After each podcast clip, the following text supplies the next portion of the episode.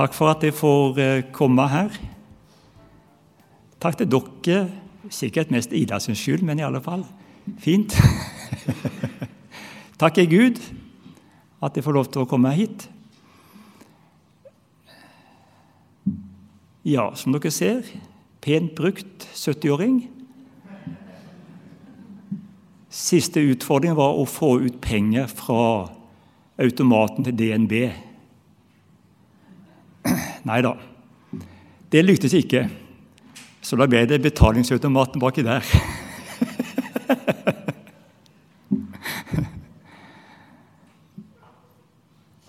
Da jeg kom inn i kirka klokka var ti, var det en som rakk fram hånda, så velkommen. Hva er det for noen ting? Så kom jeg inn i kirkesalen. Så holdt eh, musikerne og sangerne på å øve. Hva er det for noe? Og så var det Trine, stemmer ikke det, som holdt på å sette opp for i dag. Og hva er det, hva er det for noe, da? Er det bare det at uh, Trine er flink til å pynte, og de er flinke til å synge, og han er flink til å ta i hånda? Eller er det Er det nådegave? ja. Det tror jeg. En av de første gangene jeg var i Larvik, da var jeg i 20-åra, så var jeg på gudstjeneste her. Så satt jeg ved siden av en mann som er eldre enn meg, som heter Ivar Granum. Et pastor i Metodistkirken lenge. Satt han liksom og sånn mumla for seg sjøl. Så spurte jeg etterpå du, Ivar, den derre mumlinga, du Ja. Nei, skjønner du, Åmund. Jeg har fått den gaven at jeg ber i tunger. Ja, ja, så det var ikke det at Ivar var flink til å mumle. Han hadde fått en nådegave. Og det er det vi skal prøve å gå litt dypere inn i dag.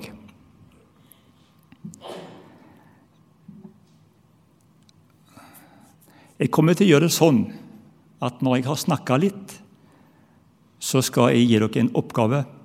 Så får dere ett minutt til å snakke med sidemannen eller sidedama. Og vil du ikke snakke, så vil du ikke snakke. Men, men du får sjansen.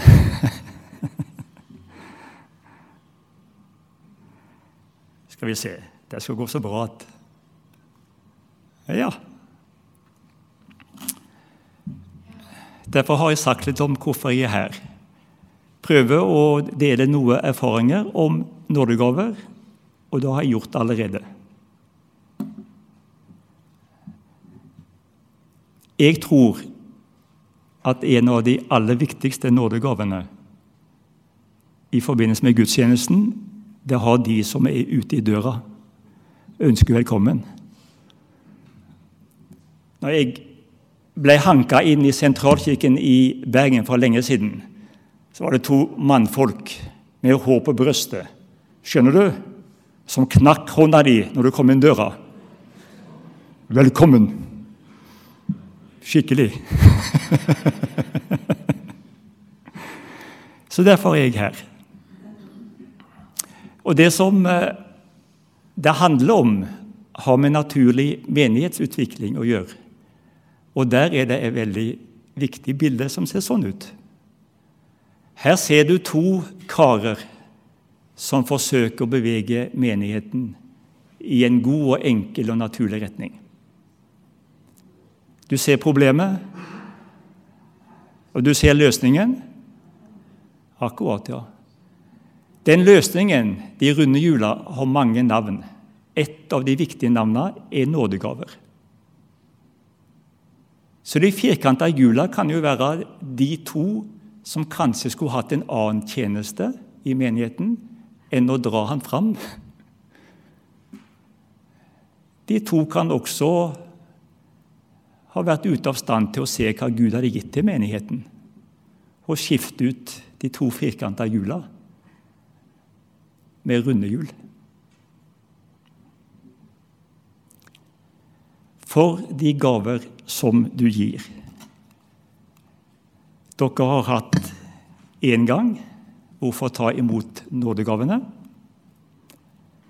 Dere har hatt én gang hva er disse gavene, og nå er det hvordan oppdage gavene.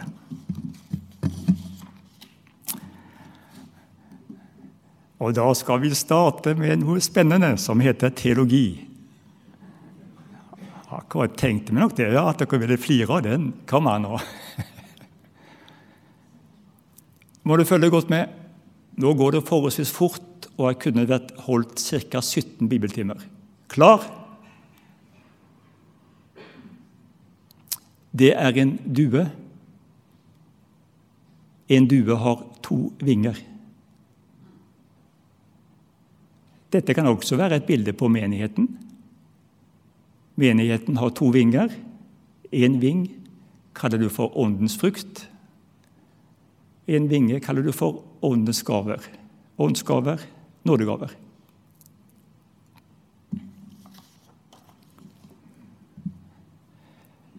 Så står det åndens frukt er kjærlighet, glede, fred, overbærenhet, vennlighet, godhet, trofasthet, ydmykhet og selvbeherskelse. En bra forklaring på hva er åndens frukt? Jo, kort sagt Jesu personlighet som ånden preger inn i hans disipler. Altså Jesu personlighet som ånden preger inn i oss som er her, som er hans disipler. Så er det andre vingen. Alt dette gir den ene og samme ånd, som deler ut sine gaver til hver enkelt slik han vil. Slik kroppen er én, selv om den har mange lemmer, og alle lemmene utgjør én kropp, enda de er mange. Slik er det også med Kristus. Så en veldig grei, enkel, god definisjon av nådegaver og åndens gaver er Jesu evner som gis til menigheten. F.eks. hans undervisning, hans evne til å helbrede og hans beredskap til å lide.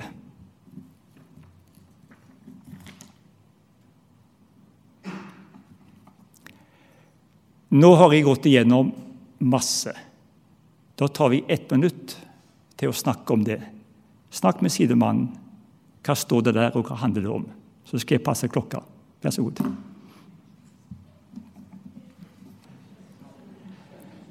Så fort går ett minutt. Tusen takk. Da repeterer det viktigste.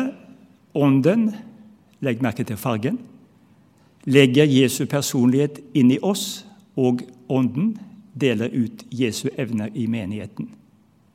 Slik blir menigheten sitat, byens fyrtårn med Jesu kjærlighet til alle. Sitat slutt.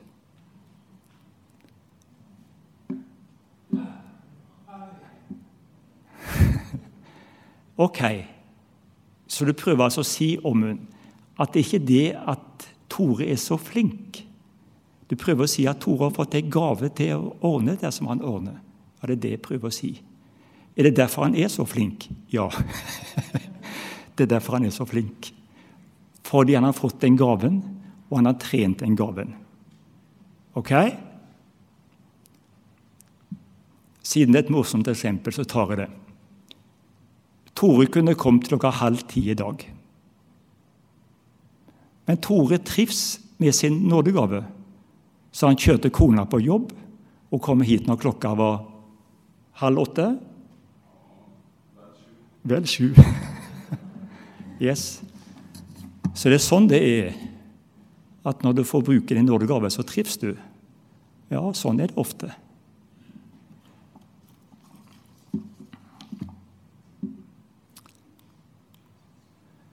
Har du en nådegave? Takk for spørsmålet, svarer Kristin. Det spørsmålet har jeg ikke fått før. Da gir vi ordet til Kristin, som tilhører en menighet i Den norske kirke.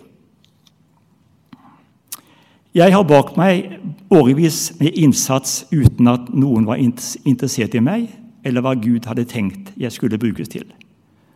Bare når de trengte noen som stilte opp, var jeg grei å ringe til. Kveldsmat til alfakurs, kake til kirkekaffe, loddsalg for kirkeringen, vasking av nattarbeider osv. Det snakkes så fint om medvirkning, men det betyr bare at flere bidrar i et omfattende arbeid styrt av menighetsstaben. Etter 20 år er det slutt. Jeg går ikke i kirken lenger. Nå har jeg sluttet i husfellesskapet, i kirkering og sluttet som frivillig gudstjenestemedhjelper. Jeg har sluttet å gå på gudstjenester. Hvordan kan menigheten ta bedre vare på sine frivillige medarbeidere? Bl.a. ved å stille spørsmålet har du en nådegave. Hvis du tør, så får du ett minutt til å svare på spørsmålet med sidemann, sidekvinnen. Vær så god.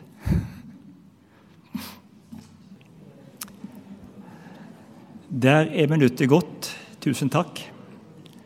Da går vi til uh, Bibelen. Tjen hverandre hver og en med den nådegave han har fått. Jeg tenker også at hun har fått en nådegave. Greit? som gode forvaltere av Guds mangfoldige nåde. Men enhver har sin egen nådegave fra Gud. Den ene slik, den andre slik. Spørsmålet var altså har du en nådegave. Noen svar, alternativer, er følgende. Ja, og jeg vet hvilken nådegave jeg har. Ja, men jeg er usikker på hvilken nådegave jeg har. Nei. Du svarer kanskje nei fordi du ikke er noen kristen. Og For deg som er usikker, og kanskje for oss andre òg, så er det bra å tenke over hvordan kan jeg oppdage gaven. Litt om det. Det første går på å bruke den erfaringen du har. Det du har gjort i livet, det du har gjort i menigheten, det du har trivdes med, det du har vært trygg på. Alt det kan være bekreftelse på en nådegave som du har. Det er veldig flott når dere hjelper hverandre til å sette ord på nådegaver. Det er fint å si at 'du er flink', men det er rett å si du har fått en gave.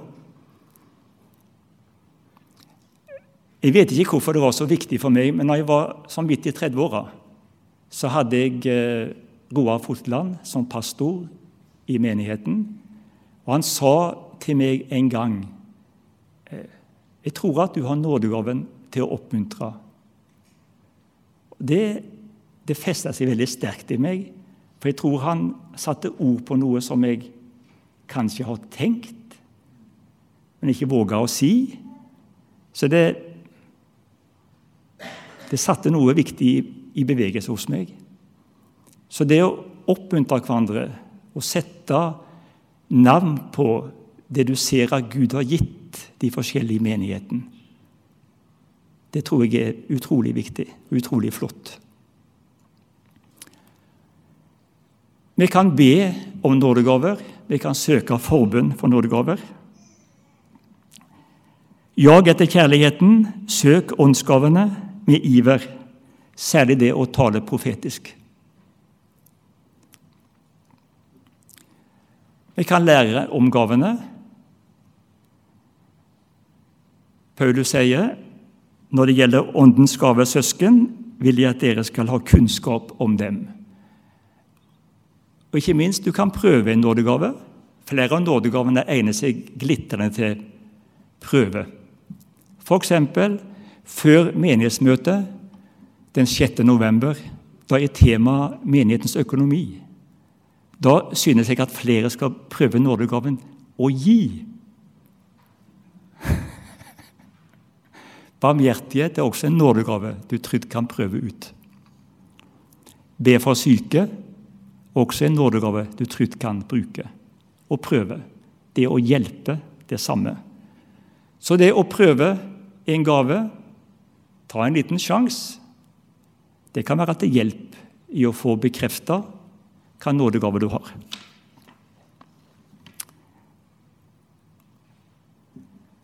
Der er onkel Arthur i den grå dressen.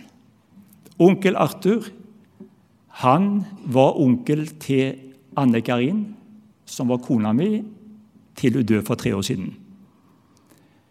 Arthur Pedersen bodde på Stokke. Han var leder for lokalt arbeid i Indremisjon, Nordmisjon og menighet.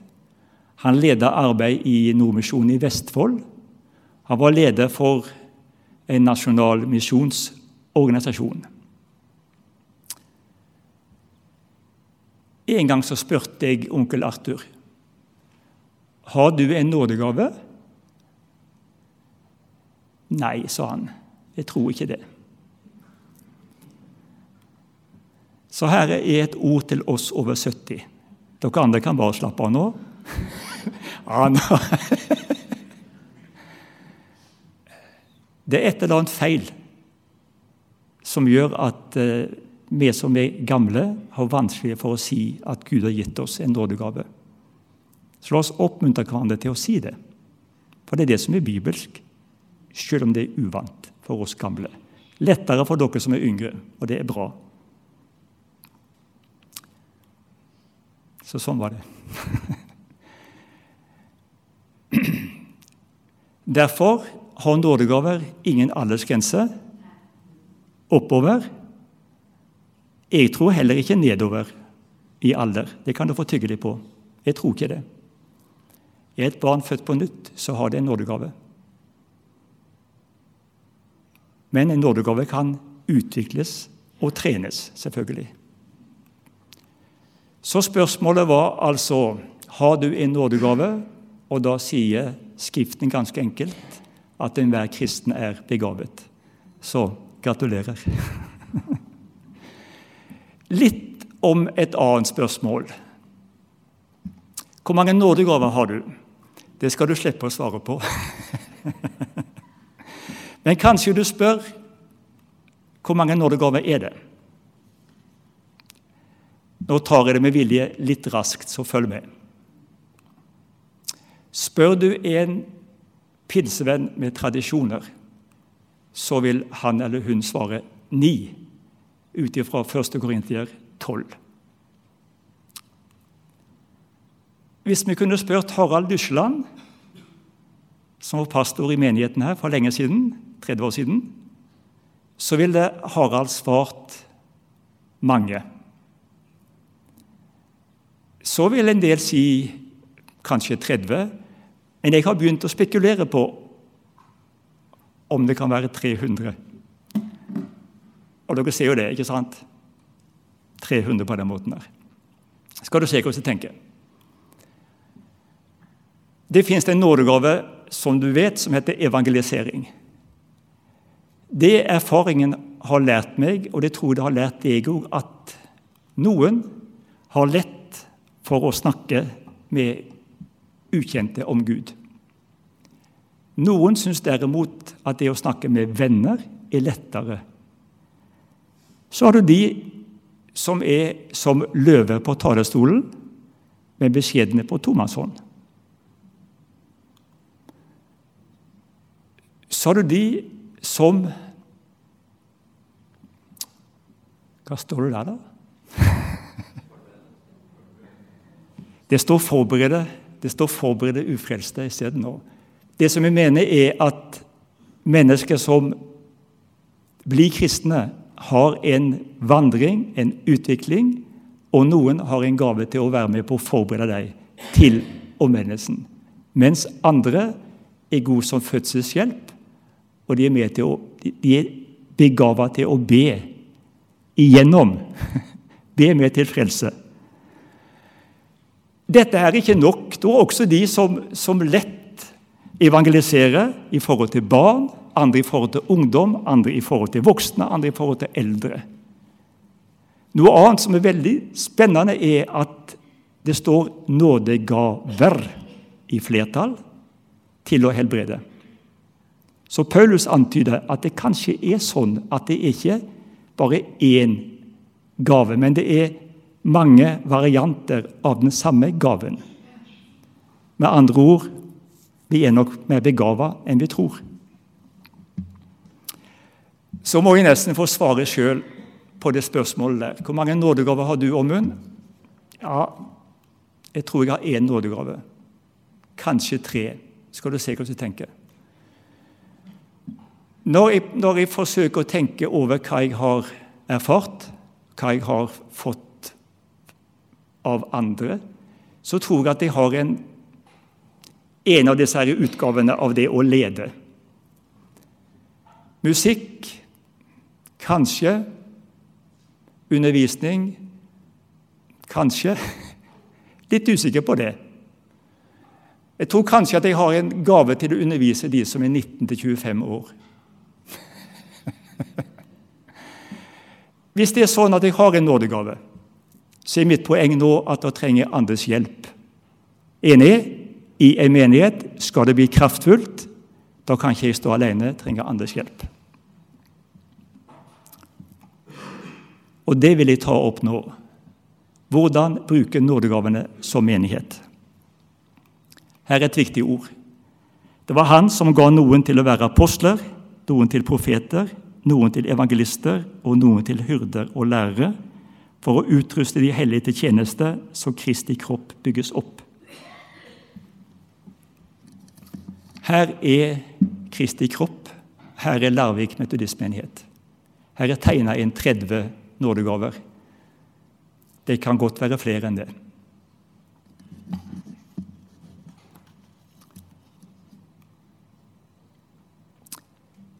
Det en menighet er helt avhengig av, er jo å koordinere, samordne gavene. Bruke de klokt.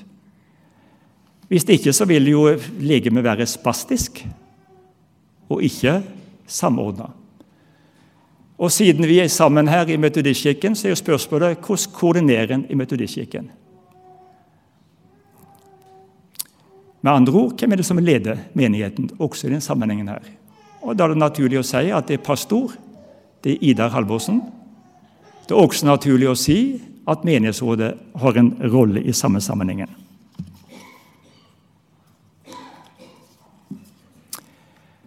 Og den tegningen der hadde jeg lyst til å skulle snakke om. Nå får dere ett minutt til å snakke om den saken der. Vær så god.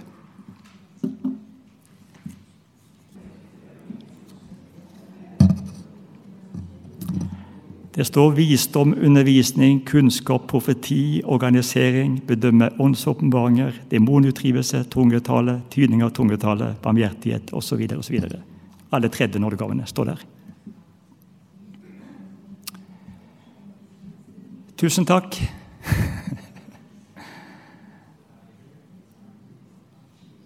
Så min mening, og jeg tenker at det er Bibelens mening, er at nådegaver trengs å koordineres. Ja, Nå syns du det begynner å bli farlig konkret, om Åmund. Ja, det blir mye verre. Ok, klart neste. Skal pastoren få vite om din nådegave?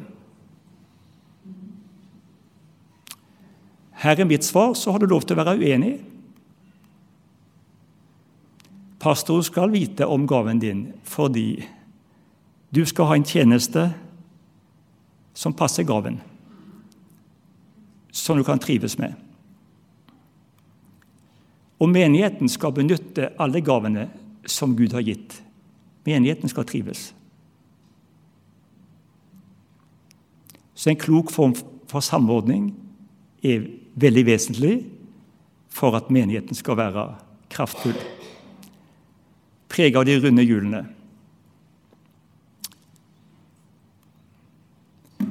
Det lærte jeg av den pastoren jeg har hatt lengst, nemlig Leif Anders Hansen. Han sa menigheten er et suppleringsfellesskap. Det sa han så mange ganger at det festa seg hos meg. Vi skal utfylle hverandre. Se her. Her er et interessant eksempel. Den kjenner du nå, alle de 30 nådegavene. Så ønsker vi en pastor i Den norske kirke velkommen. Han har tre nådegaver. Skal vi se Jeg må gå tilbake. Sånn.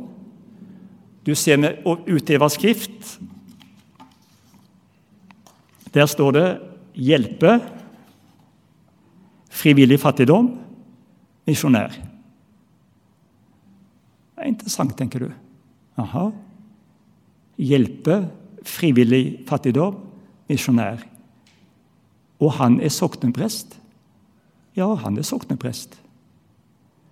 Og det han sier til sitt menighetsråd, er jo Jeg har tre nådegaver og trenger andres hjelp. For når du har nådegavene hjelpe, frivillig fattigdom og misjonær, så er du ikke begava på å gå foran menigheten. Men du kan slippe andre til, slik at det blir et suppleringsfellesskap og et nådegavebasert lederskap.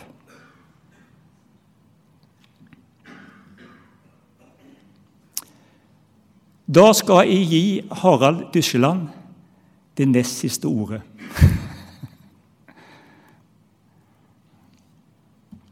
Om det er så at vi vil at Jesu personlighet og evner skal nå til andre via oss, trenger vi å la Herren disponere oss når Han vil konkretisere sin nåde for andre